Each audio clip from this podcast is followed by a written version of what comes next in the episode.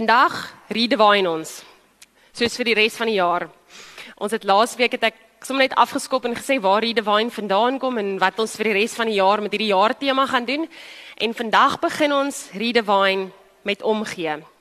Nou ons het al in laas jaar gekies dat Maart ons omgee maand gaan wees waar ek vir julle ook so bietjie meer gaan sê oor wat ons as gemeente in ons omgee bediening doen. Maar ek het nou gedink, ek wil sommer vandag net so vinnig vir julle sê wie is almal deel van ons omgee bediening dat julle sommer net 'n idee kry. Nou ek sit op die bediening, Mandy wat nie hier is nie sit op die bediening, Jurgens daarbo is op die bediening. Lazel daar agter is op die bediening. Maak dit so dat die mense sien. Adri is ook nie hier nie. Adri is op die bediening. Wynand wat hier voorsit, hy's op die bediening en Marisa is ook op die bediening. Daar's niemand wat ek gemis het nie, nê? Nee, ek dink dis almal. Ons is die bediening wat omgee bediening genoem word. Nou is dit altyd een van daai goeders 'n uh, omgee bediening van 'n kerk is eintlik veronderstel om die hele kerk te wees. Daar's nie eintlik veronderstel om net soos 'n groepie mense te wees wat alles doen nie, maar op dit is hoe dit is. Ons as groepie organiseer al die omgee. Nou die projekte wat ons op hierdie stadium het wat ons as gemeente ondersteun is in die eerste plek kom ons begin ver. Die verste projek wat ons doen is Masinga. Nou Jurgens is meeste van die tyd daar betrokke. Dit is in KwaZulu-Natal. En hierdie jaar gaan hulle skool verf. Nee, Jurgens nie bou nie, skool verf. Skole verf. Hierdie jaar is die uitreike wat van ons kant af wat nou al die parelkerke insluit, Mesinga toe, gaan skole verf. Obviously is daar altyd geld en ander behoeftes ook, maar dit is een van die groot projekte wat hulle graag hierdie jaar wil loods. Dan kom ons beweeg, beweeg 'n bietjie nader. Dan is ons ander groot projek wat ons gister by was in Wellington. Hy's Andrew Murray. Die kinderhuis, spesifiek huis Lorier, ons 12 seuns, wel op hierdie stadium is hulle net 9. Ehm um, maar ek glo ons sal weer 12 nog 3 boeties bykry. Ehm um, daar's altyd 'n lys van wat ons nodig het vir hom. As jy wonder of jy wil by betrokke raak by die kinderhuis of jy finansiëel wil bydra of jy wil help, Lisel is die een om mee te praat. Sy is ons fondswerwer en ons ambassadeur daai kant van die kerk se kant af wat daarso vir ons alles doen. Wat ons by hom doen is ons probeer om uitstappies met hulle te doen, saam met hulle te gaan kuier, maar dan ook goed soos sakgeld te gee verjaarsdagpartytjies as die boeties verjaar te hou en dan ons nooi hulle ook om by ons te kom eredienste bywoon. En ons behoefte as omgee bediening en soos tannie Marike en tannie Deline hulle is ook redelik daar betrokke. Ons behoefte is om regtig met ons seuns se verhouding te begin bou. Dat hulle nie net daar in Wellington is ons seuns nie, maar dat hulle regtig deel van ons familie word. So as jy wil meer weet, gaan praat met Lisel. Dan het ons hier as ons in ons gemeenskap inbeweeg, dan het ons 'n groentetuinprojek wat Wynand en Mandy redelik voorvat neem. Nou op hierdie stadium droom ons baie groter as wat ons dink die realiteit ooit gaan wees, maar op hierdie stadium het ons drie ooms wat hulle kant bring en die groentetuin bewerk. Ons het ook Simon Privaat Skool hier langsaan wat graag wil gaan help. So die 15de Maart gaan hulle 12 kinders stuur en dan gaan hulle die drie ooms bietjie help om in die tuin te werk. Die idee van die groentetuin is nie om net 'n tonnel op te sit en te sê okay, daar werk julle nou nie. Die idee is om regtig met mense uit die gemeenskap uit te werk wat dit wil doen, wat die hart het om dit te doen en om dan hulle te help en te bemagtig en op te lei deur die regte mense om die skills te hê om 'n groentetuin te maak werk en die groentetuin te laat uitbou en te laat groei dat die drie oomies op hierdie stadium dat as hulle hulle groente pluk, dit vir hulle self is en dat hulle kan dit verkoop eventually en so. Maar die droom is dat dit 'n gemeenskapsprojek raak en nie net 'n ding is wat ons as kerk in die gemeenskap gaan probeer doen nie, want dit dit werk nie. Dan is die laaste projek wat ons hierdie jaar baie ernstig aan gaan werk en dit is Adri Adri se hart lê daar is die omgee in ons eie gemeente.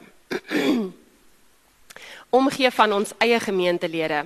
So dit is nou as jy finansiëel swaar kry, as jy emosioneel swaar kry, as jy sommer net alleen is, as jy voel jy het 'n breek nodig, kontak ons en ons gaan 'n plan maak om jou te help. Ons probeer ook ekstra ore en oë hê. So as jy weet van iemand in ons gemeente, iemand wat dalk nou langs jou sit wat swaar kry op een of ander manier, laat weet ons dat ons daai persoon kan help. Al is dit net met 'n oproep of 'n gang koffie saam drink of iets. Maar dit is nogals ons omgee hier in ons eie familie is vir ons baie baie belangrik. maar okay. Dis ons bediening. Ek sal nou meer in die maand sal ek so 'n bietjie meer oor die ander oor die goeders apart sit. Ek sal meer oor ham sê en so aan, maar ons het nou 'n bediening wat goeders doen. Maar soos ek nou-nou gesê het, dis nie dis nie genoeg nie. Dis nie genoeg vir net 'n groepie mense wat op 'n bediening sit om goed te doen nie. Dit is nie wat omgee is nie. Maar wat is omgee? Ons redefine mos nou. So ons moet sê wat is omgee en wat moet omgee wees? Wat sê Jesus moet omgee wees? Want spesifiek in lydenstyd gaan ons praat oor wat sê Jesus? Hoe moet hierdie goeders lyk? so omgee as ek kyk na ons wêreld is daar baie meer mense is gemaklik met evangelisasiewerk en sendelinge. Hoekom? Want dit is ver van jou af. Jy kan geld oorbetaal en jy weet daar's iemand wat die werk doen. Dit raak nie aan jou aan jou nie. Dis nogals 'n ding wat ek agtergekom het is dis baie makliker om te sê ek gee om as ek kan vir iemand anders sê om die omgewerk te doen en ek kan dit subsidieer met geld of so iets. As ek net 'n oomblik kan spandeer aan dit. Verder het ek ook gesien dat soos baie keer is dit soos nou in die COVID tyd is dit kospakkies om kospakkies te maak. Dis 'n ons praat van 'n hit and run tipe effek. Jy tref 'n gemeenskap, jy laai af en jy's uit. Verstaan? Dit is dit is wat sendingwerk of omgee veral in kerke nogals die afgelope tyd geraak het. Is daai daai ding wat dit raak nie aan my as mens nie. Verstaan? Ek kan dit buite myself hou. Nou, verstaan vir my mooi, nie een van daai goed is verkeerd nie. Glad nie want dit is belangrik dat ons die sendelinge wat ver is finansiëel ondersteun. Die ouens in Oekraïne nou. Um die kommunikasie wat in die kerk aan die gang was om die sendelinge van ons wat daar is te ondersteun en um die een se gesin uit te kry was nogals was rof. Daar was omtrent baie kommunikasie. So hoe kan ons hulle help om net seker te maak hulle is veilig? So daai goed is crucial. Kospakkies in noodtye is crucial. Maar omgee het in ons wêreld geraak soos ek wil nie myself invest nie. Ek wil nie myself gee om om te gee nie. Ek sal my geld gee om om te gee of ek sal 'n halfuur gee of dalk 'n uur of maksimum 2 ure gee om om te gee. Ek weet nie of dit is ook wat julle ervaar nie, maar dit is hoe ek omgee die afgelope tyd ervaar. Selfs soos met mense wat naby is ons wat swaar kry, is jy jy sal 'n boodskapie stuur en dan sê soos yes, ek het my kant gebring, ek het 'n boodskapie gestuur. Maar ons sukkel, ons het eintlik hierdie afgelope val ek 2 jaar in Covid het ons so los van mekaar af begin leef dat ons so in ons eie wêreld is dat dit dis moeite om jouself te gaan gee. Dis moeite om van jouself te gee om te gaan omgee. Maar okay. Dis nou wat ek waarneem hoe omgee op hierdie stadium is. Kom ons lees 'n bietjie. Ons gaan Lukas 10 lees om te hoor wat sê Jesus hoe moet omgee lyk. Julle kan julle Bybels daar oopmaak, maar ons gaan net eers 'n oomblik stil word. Here, as ons vanoggend ons Bybels voor ons oop het, is my gebed regtig dat ons sal gehoorsaam wees. Dat ons kom ons breek die woord op, Here, dat ons sal saam hoor. Dat ons saam sal hoor wat dit is wat U sê omgee is. Want dit lyk bietjie anders as wat die wêreld vir ons wys. Want as 'n groot maatskappy 'n nuwe winsgewende organisasie ondersteun, dan kan hulle dit teen SARS afskryf, so dit help. Dit help die maatskappy as ons kan iets doen en ons kan goed voel oor onsself oor ons iets gedoen het maar ek het nie nodig gehad om my hande vuil te kry nie en ek het nie nodig gehad om net van myself te gee nie dan is dit ook makliker. Maar Here die realiteit wat ons nou in Lukas 10 gaan kry is is anders. En en Here ek weet dit is nie 'n maklike anders nie. Dis 'n moeilike anders vir ons om te aanvaar want ons hou van ons gemak ons hou van ons comfort zones Ons hou daarvan om nie noodwendig die seer in ander mense se lewens raak te sien nie. Maar maak ons nou gehoorsaam, Here. Amen. Lukas 10, ek gaan hom net so in stukkies stukkies doen. Ons gaan hom nie die hele hoofstuk heeltemal deurlees op een slag nie. Ons gaan begin met Lukas 10 vanaf vers 1, die sending van die 72. Daarna het die Here 72 ander aangewys. Hoekom hy sê ander aangewys? Ek lees vandag uit die 83 vertaling uit. Sorry net dat julle weet ek nie weer op die 2020 vertaling is nie. Hoekom hy sê ander aangewys? Dis boonbehalwe sy 12 disippels, het hy 72 ander aangewys en hulle twee twee voor hom uitgestuur na elke dorp en plek waarheen hy van plan was om te gaan. Hy het vir hulle gesê: "Die oes is groot, maar die arbeiders min. Bid dan die Here aan wie die oes behoort om arbeiders uit te stuur vir sy oes. Gaan nou maar onthou, ek stuur julle soos lammers tussen wolwe in. Moenie 'n beurs of 'n reissak of skoene saamdra nie en moenie langs die pad met groetery tyd verkwis nie. As jy in 'n huis kom, moet julle eerste woorde wees: Vrede vir hierdie huis. As daar iemand woon vir wie die vrede bestem is, sal die vrede op hom bly. So nie sal dit na julle toe terugkom. Moenie van een huis na die ander trek nie, maar bly in dieselfde huis. Eet en drink wat hulle voorhande het, want die arbeider is is geregtig op sy loon. As jy in 'n dorp kom en hulle ontvang julle, eet dan wat hulle vir julle voorsit. Maak die siekes daar gesond en sê vir die mense, vir julle is die koninkryk van God baie naby. Maar as jy in 'n dorp kom en hulle ontvang julle nie, gaan dan uit in sy strate en sê selfs julle dorp se stof wat aan ons voete sit vee ons af as aanklag teen julle. Maar dit moet julle weet die koninkryk van God is baie naby ek sê vir julle vir die mense van Sodom sal dit op die dag draagliker wees as vir daardie dorp. Elende wag vir jou Gorasin. Elende wag vir jou Batsaida As in Tyrus en Sidon die wonderdade plaasgevind het wat in hulle plaasgevind het, sou hulle lankal in sak en as gesit en hulle bekeer het.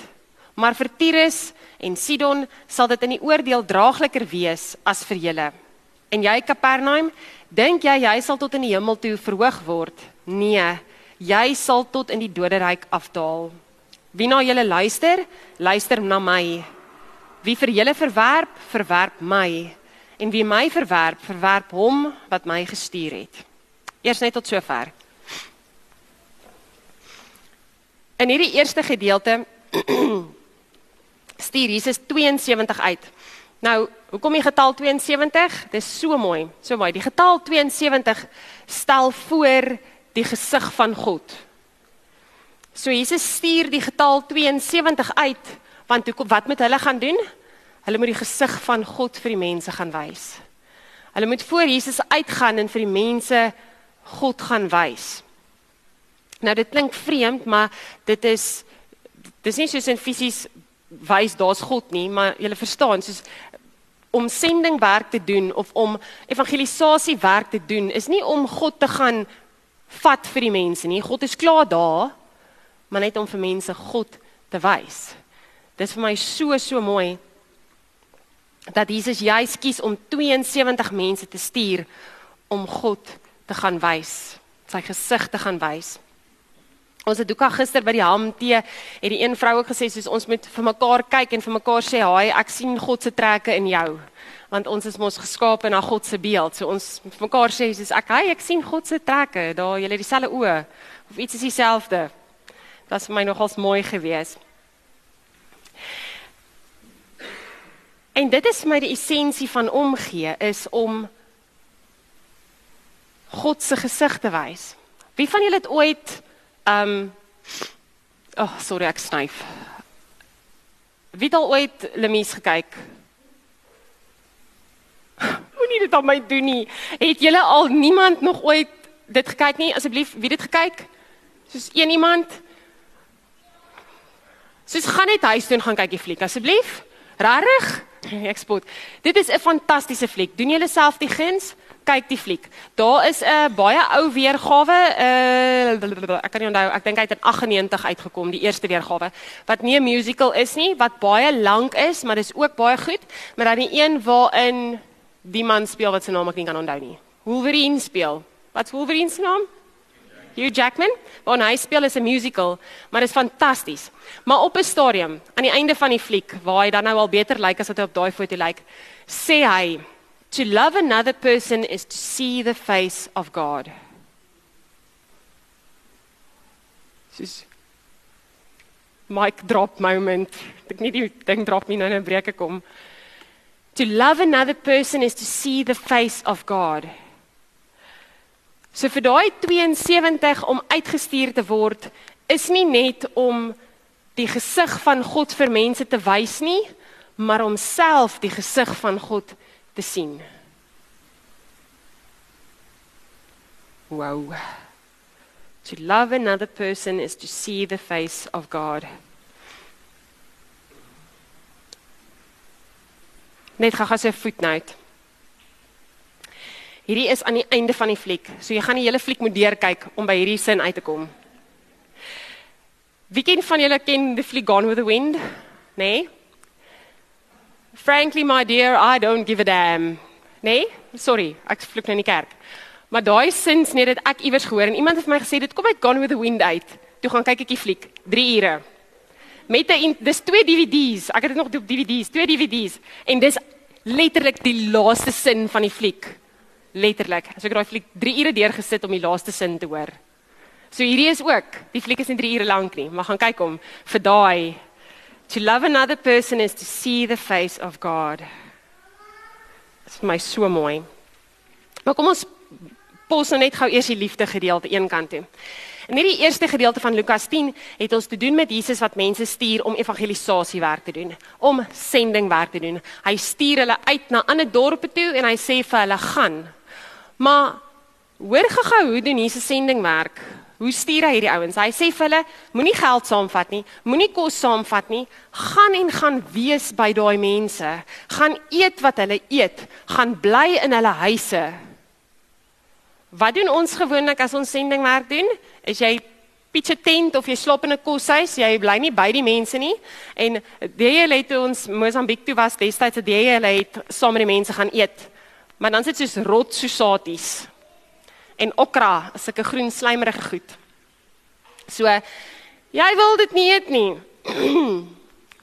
maar Jesus het hier besef wat ek nou-nou ook weer gaan sê. Jesus het besef dat as jy regtig vir mense wil gaan omgee, regtig vir mense God se gesig wil gaan wys, kan jy dit nie doen vanuit 'n hogere posisie uit en jy kom drop 'n klomp kos en klere en jy's weer daar uit nie. Dan moet jy by daai mense in hulle huise gaan sit. Jy moet by daai mense eet. Jy moet saam met hulle leef om hulle te leer ken. Nog 'n fliek. Ai julle Avatar. Sê daarom asseblief vir my meer van julle het Avatar gekyk. Yes! Woohoo! Gaan kyk weer. Ek gaan nou vir julle stuur om weer Avatar ook te kyk. Wat in Avatar gebeur? Die regte blou mannetjies. Nou nie die mense wat mense is wat blou mannetjies word nie. Die regte blou mannetjies het net 4 vingers. Maar as jy 'n mens is wat 'n avatar word, het jy 5 vingers, dan jy 'n blou mannetjie met 5 vingers. Gaan kyk daai detail. En dit sê vir my so iets van hierdie, soos om met daai groot monster ehm um, masjienmanne wat daar inkom, die mens in die masjien ding, Hulle het nie die effek gehad wat die mense wat ook blou geword het gehad het nie. Verstaan? Wat die avatars gehad het nie. Maar hulle het hulle vyf vingers behou want hulle was nog steeds mens, verstaan? Hulle was nie Wat is ek kan nie ek sien ek het die fliek ook te lank lank gekyk. Maar en dit is wat ek hier by Jesus hoor, is soos gaan gaan Messinga toe, gaan ver vir daai mense hulle skool, maar gaan wees by daai mense, leer ken daai mense gaan hom toe, maar moenie net gaan geld gee nie, moenie net gaan 'n koek aflaai nie. Vat liewer niks saam nie. Moenie iets saamvat nie. Vat liewer net niks saam nie en gaan gee net om, gaan wys God se gesig vir daai mense. Lukas 10 begin met evangelisasiewerk, begin met sendingwerk. En dit is Dit was vir Jesus so belangrik. Wat ook vir my mooi is van hierdie gedeelte is wat Jesus sê, gaan en as jy ontvang word, bly by daai mense. Maar as daai mense jou nie wil ontvang nie, as daai mense jou nie daar wil hê nie, loop dan. Skree stof van jou hulle voete af en gaan weg. Gaan na waar mense ontvanklik is. Oor dit sal ons 'n ander keer preek. Ek gaan nie nou daai daai potwurms oopmaak nie.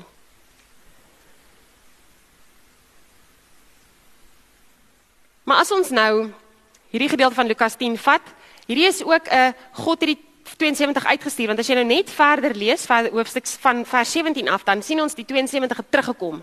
So dit was net 'n tydelike sendingwerk, 'n tydelike evangelisasiewerk. Dit was nie 'n deurlopende omgee nie. Dit was 'n gaan en kom terug omgee.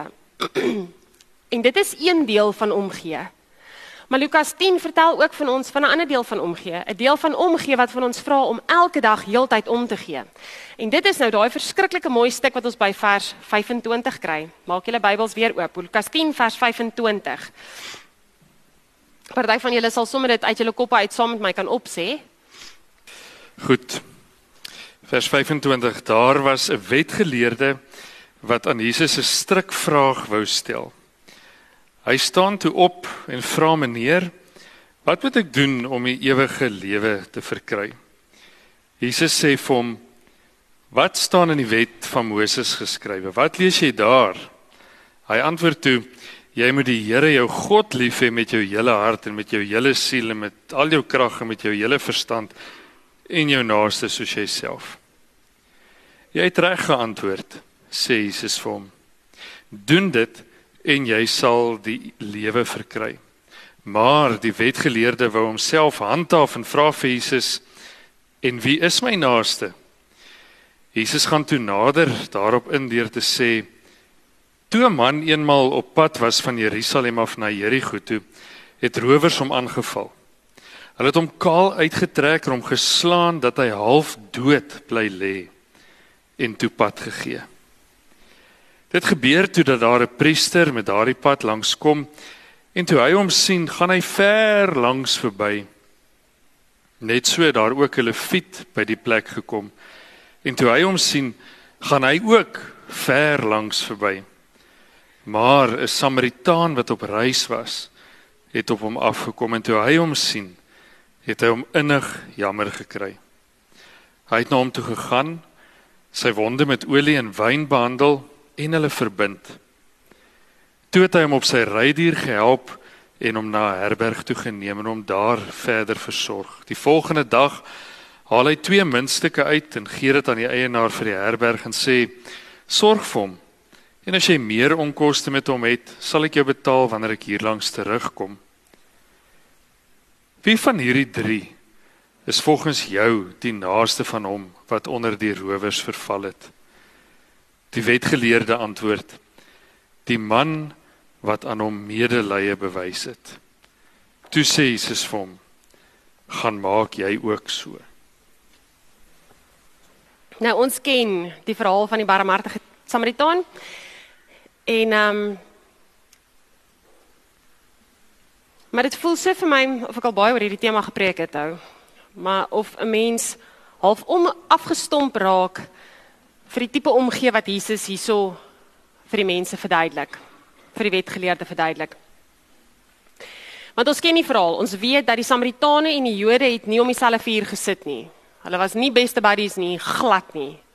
So vir Jesus om 'n Samaritaan te gebruik om vir Jode te verduidelik dat dit daai persoon se naaste was, is eintlik soos in dit moes hulle seer gemaak het.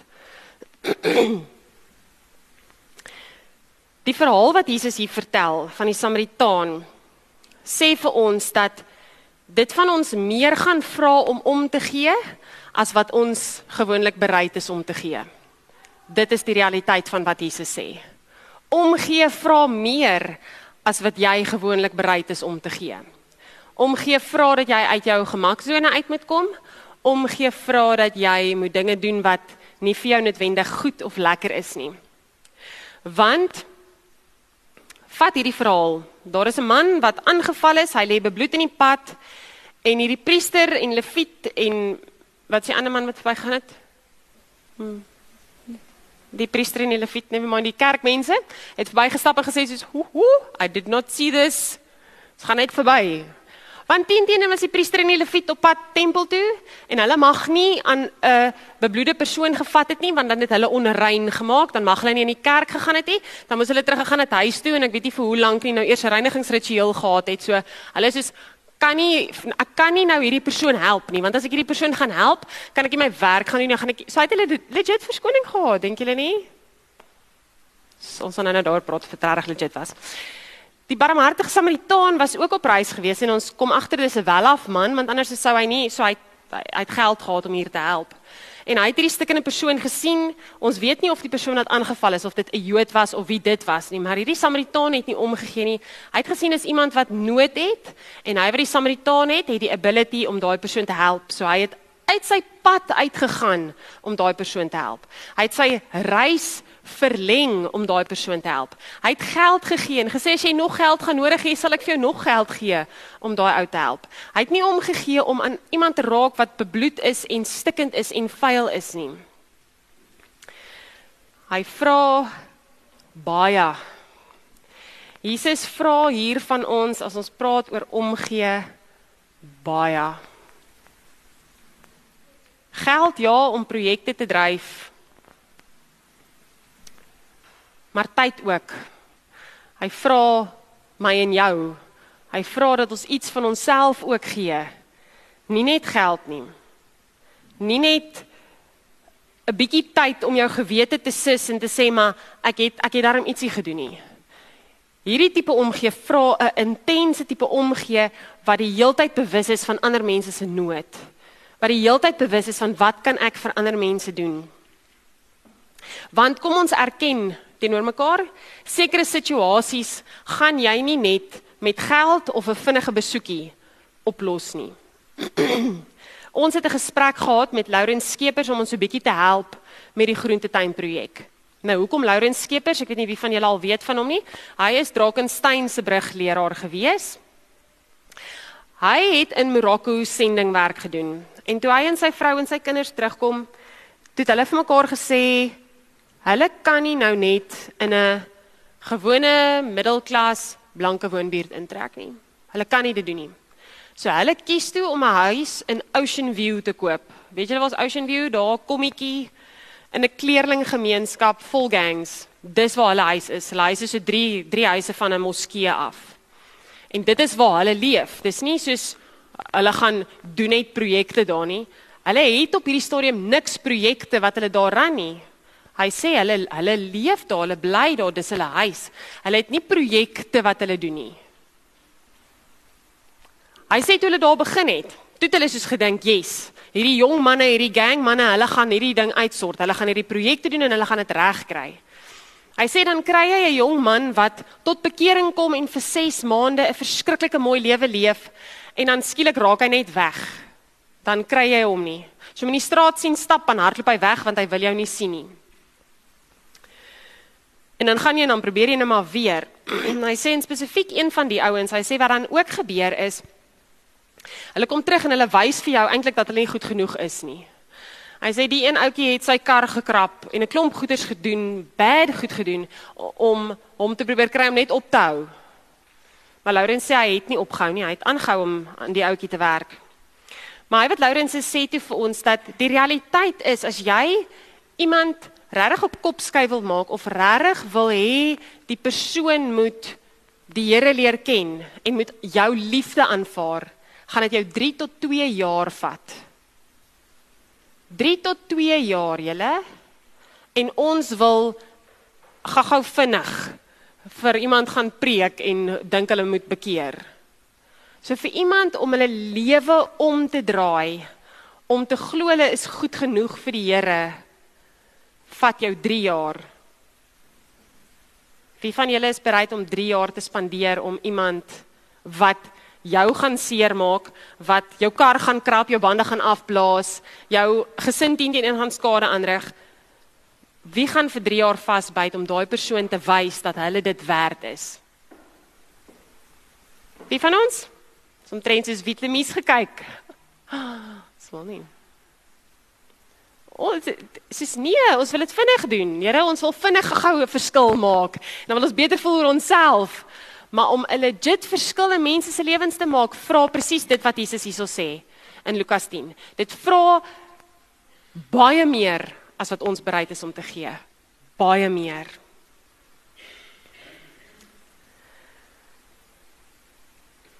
Omgee vra ook 'n anderster tipe optrede as wat die wêreld verwag. Want as ons terugkom na hierdie verhaal toe, ek dink as die Jode nou hierdie verhaal die eerste keer hoor wat Jesus vir hulle vertel, dan sou hulle Wie is jou naaste? En Jesus begin vertel nou vir hulle hierdie verhaal. En Jesus praat van die priester. Dan sal hulle dink, "Haai, die priester is my naaste want ek is 'n skrifgeleerde, so die priester moet my naaste wees." Of die leviet, "Haai, die leviet moet my naaste wees." En dan gooi Jesus die spinner in die hoek en sê, "Nee, wie is die naaste aan daai ou wat stikkend was, wat seer gehad het?" Want sien die verwagting is dat die priester en die leviet die naaste moet wees, die hoogsgeleerdes, die slim ouens, die ouens met die geld die ouens wat wat aanvaar word deur die wêreld is jou naaste. Die mense wat soos jy lyk, wat soos jy dink, dit is mos jou naaste. Nee, Jesus sê jou naaste is iemand wat nood het en as jy nood het, is jou naaste iemand wat jou nood kan help ligter maak. Weerskante toe, dit is naaste. Dit is naaste. Want die priester en die leviete het net verbygestap. Die dominee het verbygestap. Die ouderling en diaken het verbygestap. Die standaard kerkganger het verbygestap. Maar daai ou wat jy nie eers in die kerk sal sien nie, dis hy wat gestop het om daai man te help.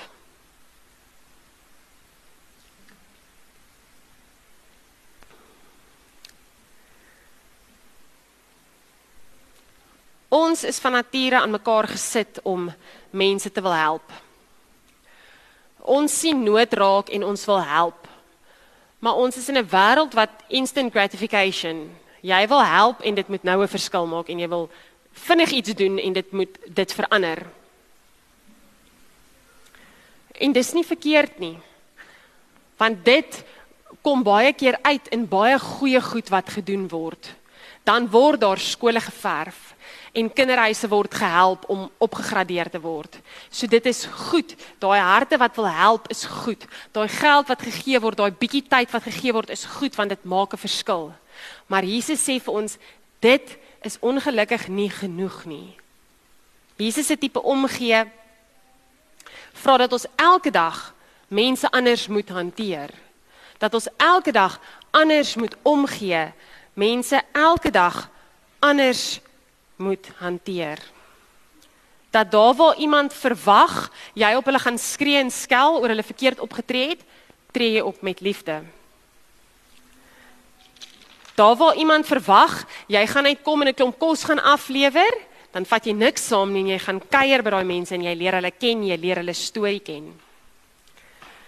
Jesus se tipe liefde omgee sê tree anders op as wat die wêreld optree. Tree anders op as wat verwag word. En dit is redefine.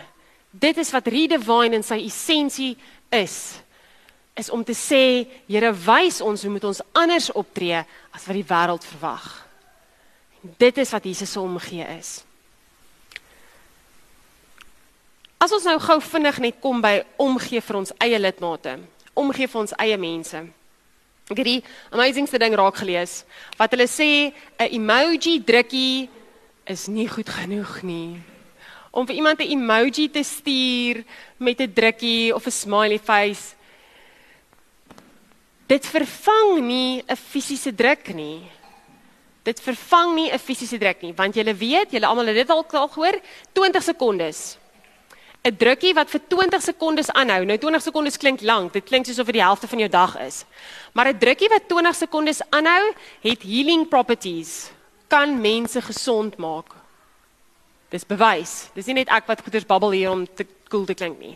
So om te dit help jy stuur 'n drukkie emoji en sê vir daai persoon kyk 20 sekondes na die emoji nie. It's not going to work. 'n 20 sekonde drukkie, vashou drukkie kan iemand genees. So as ons praat oor 'n emoji, Ja, emoji is nou soos wat daai priester was wat by hierdie stukkende man verbygeloop het. Hy het 'n geldige rede gehad om die ou nie te help nie. Verstaan hy het regtig 'n geldige rede gehad want hy moes by die tempel kom, hy moes sy werk gaan doen, so hy het 'n geldige verskoning gehad. Dit is soos om 'n emoji te stuur as jy hoor iemand het iets slegs oorgekom, dan stuur jy vir hulle 'n lekker emoji daar gat jy. Dit is wat die priester was. Maar dit is nie dis nie genoeg nie. Jesus sê daar is nooit nooit 'n geldige verskoning om iemand nie te help wat in nood is nie. Jy het nooit 'n geldige verskoning nie. As jy iets het wat iemand anders kan help uit hulle nood, het jy nie 'n geldige verskoning om dit nie te doen nie. Of dit geld is, of dit tyd is, of dit meer gesondheid is, meer vreugde is, as jy iets het wat jy vir iemand kan gee wat in nood is, het jy nie 'n verskoning om dit nie te doen nie. Jesus se omgee sê jou naaste is wie? Nie mense wat soos jy lyk like, of soos jy optree of soos jy dink nie, mense wat in nood is, mense wat iets nodig het wat jy meer van het. En dalk vanoggend het jy self nood.